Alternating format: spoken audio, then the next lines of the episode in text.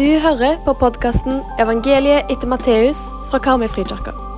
Vårt mål er å gi daglig inspirasjon til å følge Jesus. 5. januar, Matteus 3, 1-17.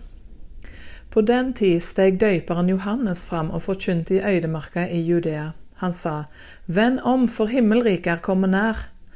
Det er om han profeten Jesaja taler når han sier, Ei røyst roper i øydemarka, rydd Herrens veg, gjør stigende hans rette.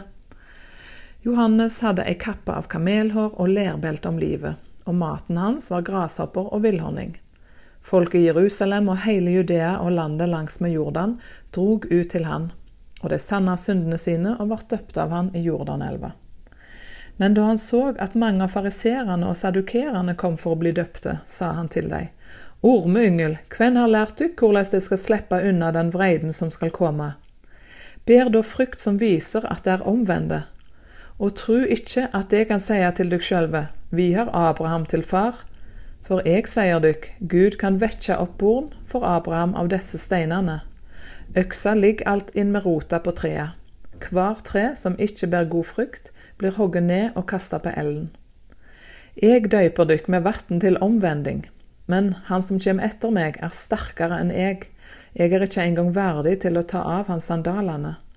Han skal døype dykk med Den hellige ande og eld. Han har kasteskofla i handa og skal rense kornet på tresjeplassen. Kveiten sin skal han samle i låven, men agnene skal han brenne med eld som aldri slukner. Da kom Jesus fra Galilea til Johannes ved Jordan for å bli døpt av han. Men Johannes ville hindre han og sa, Jeg trenger dåp av deg, og så kommer du til meg. Jesus svarer, La det nå skje, dette må vi gjøre for å oppfylle all rettferd. Da gjorde Johannes som Jesus ville. Med det samme Jesus var døpt, steg han opp av vannet. Og sjå, himmelen åpna seg, og han så Guds ande komme dalende nedover seg som ei due, og det lydde ei røyst fra himmelen. Dette er sønnen min, han som jeg elsker, i han har jeg mi glede. Så står de der i Jordanelva, Jesus og Johannes. Det er proppfullt med folk. Mange hadde latt seg døype, og flere skulle la seg døype. Og nå hadde Jesus også kommet og sagt at han òg ville bli døpt. Johannes sier tydelig ifra om at det heller skulle ha vært omvendt, at det var Jesus som skulle ha døpt han. Men Jesus svarer litt gåtefullt. Han sier, 'La dette skje så at rettferdighet kan bli oppfylt'. For når Jesus blir døpt, så er det ikke sine egne synder han blir døpt ifra, men ifra våre synder, dine og mine. Og på den måten får vi òg del i Guds rettferdighet, som ei gave. Jesus skal nå innvies til den siste etappen av sin tid her på jorda. Han kommer til å imponere mange og provosere enda flere, og han skal lide og dø. Hele Guds redningsplan for verden hviler nå på Jesus sine skuldre. Og så skjer det. Jesus blir døpt av Johannes i Jordanelva. Vannet sildrer nedover kroppen hans. Han vender ansiktet sitt oppover, og det er da røsten ifra himmel lyder.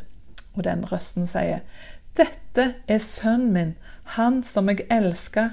I han har jeg mi glede. Gud heier på sønnen sin. Hvorfor? For det er sant. Faderen elsker sønnen. Han som er Gud og menneske, trenger å kjenne på djupet at det er en som støtter han i det han nå skal gå gjennom. En som vil han vel, en som er for han. For dette blir tøft. Jesus skal dø og kjempe seg til seier over døden. Det er mye annet Gud kunne ha proklamert i akkurat denne situasjonen. Han kunne jo ropt ut til Jesus om alle forventningene han hadde, f.eks.: Ikke skuff meg nå, min sønn! Eller han kunne ropt om Jesus til folket omkring. Han der kommer til å gjøre store under, følg med på han!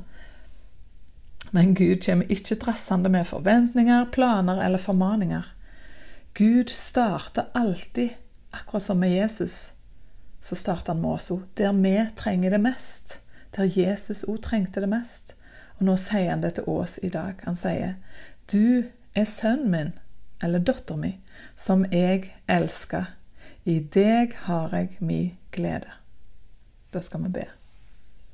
Evige Gud, takk at du elsker oss og har din glede i oss. Hellige Ånd, rens oss, så vi kan være oppriktige og sanne. Ånd, du som sender ut, frigjør oss til tjeneste for andre. Ånd, du som uroer, beveg oss, så ødelagt liv kan bli nytt. Amen. Ta imot dagens velsignelse.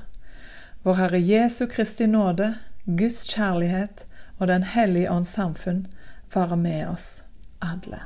Amen. Vi håper du blir med videre for å lese hele evangeliet etter Matteus sammen med oss. Leseplanen finner du på våre nettsider.